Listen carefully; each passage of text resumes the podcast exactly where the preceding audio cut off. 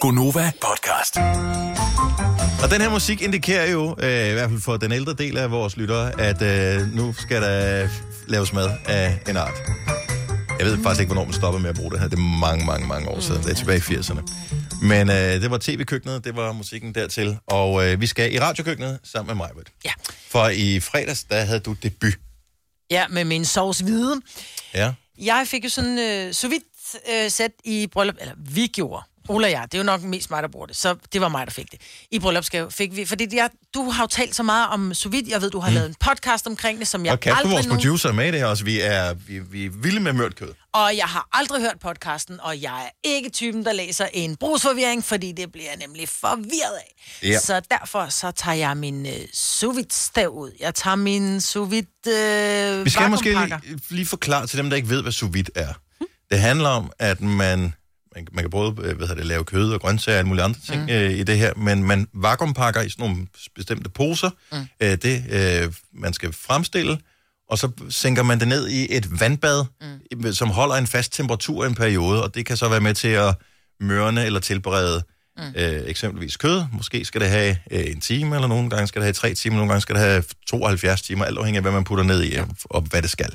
Og jeg er jo normalt sådan en mad på 20 minutter. Mm-hmm. Jeg havde i fredags købt en kylottesteg, så tænkte jeg, den skal jeg da lige prøve at stå vide. og øh, jeg tænker til at starte med, den er jo vakuumpakket. Så den kan jeg jo godt putte ned i. Så tænker jeg, jeg går sgu lige ind og læser. Så står der så, hvis det er, den er vakuumpakket på forhånd, skal du nok ikke bruge den emballage, fordi den, øh, Den kan ikke tåle den kan ikke tåle så høj varme. Så jeg flækker den ud af min vakuumpakning, og så tager jeg min, alt det her udstyr ned, og tænker, så vakuumpakker jeg bare den her lille steg. Klip til, at jeg tænker, hvorfor vakuumpakker den ikke? Mm. Og, øh, og, men, men posen er lukket, så den er, herme, altså, den er jo lukket, hermetisk lukket, Ja. så Den laver sådan en svejsning. den lader en øh, svejsning i plastikken, ja, sådan ja. så posen er lukket. Og jeg, der, der var ikke så meget luft i. Lidt var der, men ikke så meget. Så tænker jeg, nå, jeg kan ikke finde ud af det. Jeg kan ikke få lortet til at fungere med den her sous vide Er der, er der nogen her, der ved, hvad vakuum betyder? Ja. Ja. ja. Så det er sådan et negativt tryk, ikke? Altså, mm. sådan, Jo, altså den suger al suger luften ud. Ja. Og det kunne jeg ikke få til at fungere. Så- jeg, nej. jeg, var ikke så, jeg var lidt blond Og et det- øjeblik. det var- og jeg havde hvor- fået et glas rødvin også, skal jeg lige sige. ja. Øhm, bare for at bruge den undskyldning, fordi ja. Det var, da jeg endelig finder ud af, hvordan den fungerer, var det jo virkelig dumt, at jeg ikke havde tænkt over det. Men jeg ringer jo til dig. Mm. Oh. Fordi jeg synes også, den siger underligt, der er, en- der er en masse knapper, ingen af knapperne lyser, da jeg putter den i stikkontakten. Mm. Og jeg tænker, og der er en, der hedder, nu vakuumpakker, nu forsejler jeg, nu er jeg færdig. Ja. Hvor jeg bare tænker, hvorfor er der ikke noget, der lyser? Man skal så trykke meget hårdt ned på den, og så larmer den simpelthen, som om der står ind med en kangohammer u- ude i haven, ikke? Ja, den larmer vildt meget, mens Ja. den suger luft ud. Nå. Brrr. Så jeg kan jo høre, at den gør et eller andet, ikke? men den suger ikke luften ud. Så jeg tager bare det der fucking kød, og så Ej. Knaller jeg det bare ned den der. Det vigtige er jo, at det er suget øh, sammen, ikke? så den har den samme mængde øh, varmt vand rundt om, Ja. Om det hele, så det bliver tilberedt lige meget hele vejen rundt. Ja, men Dennis, det hele var jo lige meget, fordi det, der er så dumt, det er jo, at jeg faktisk også kun havde halvanden time til at gøre det i. Ikke? Nej, mig, Britt. Nej, men det kan du jo ikke engang grille en steg på Ej. nærmest. Og Jo, jeg- jo, men Nå, når jo, du også jeg- skal, altså hvis det kan jeg maden skal stå klar på halvanden Ja, time, hvis og du også skal skal lave lækker. tilbehør og alt muligt. Det kan jeg lækkert. godt lave på halvanden time. Ja, ja, du forstår, hvad jeg mener. Nej, nej, for jeg troede bare, så var, ville den blive færdig på halvanden time, og så bare ind i ovnen lige at grille overfladen. Rød, rød bøf, ikke? Det gik ikke så godt. Men jeg facetimer dig, Dennis, og der er en ting, der undrer mig, fordi jeg starter med at ringe til dig.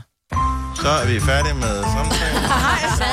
For jeg starter med, og det er det, jeg ikke ved, for jeg starter med at ringe til Dennis. Ja. Mhm. Mm-hmm. Og så siger man, ja, der er noget, jeg ikke kan få til at fungere. Nå, men der skal du bare gøre sådan der. Så siger jeg, nej, nu skal jeg fortælle dig noget. Ja. Jeg facetimer dig lige, fordi så kan jeg vise dig. Og så hørte Dennis, nej. Ja, okay. Så jeg facetimer, og Dennis han er på, og kender I det? I kender I den serie, der hedder 10 tommelfinger?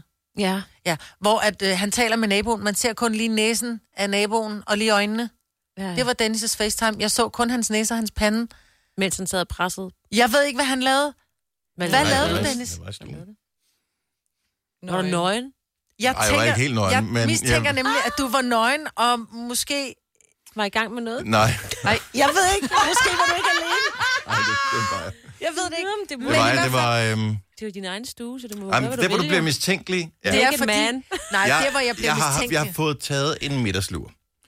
Og sent, ikke? Mm. Så er jeg så vågnet igen, men jeg har ikke, hvad hedder det, jeg skal ikke mere den dag, så jeg har ikke klædt mig på. Nej, men der, hvor jeg bliver mistænkelig, det er, at vi, vi taler sammen på FaceTime, kun halvt ansigt. Hvor Jeg lægger på, sjovt. så går der fem minutter, så tænker jeg, nej, nu skal jeg lige vise ham det her. Ja. Så FaceTimer ham igen. så kommer der bare sådan en, beklager, jeg kan ikke tale lige nu. Ja.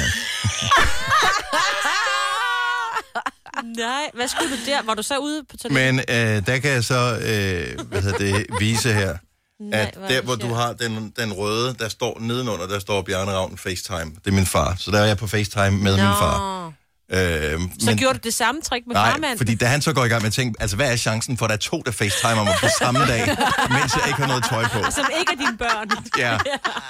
Så, øh, så derfor, så da jeg har lagt på for dig, Maja, da jeg tænker, okay, nu er alt godt, du, du facetimer ikke tilbage, så, face, så ringer han op igen og tænker, nej, det magter jeg simpelthen ikke. Så det tager jeg tøj på, inden jeg besvarer opkaldet. Mm. Okay.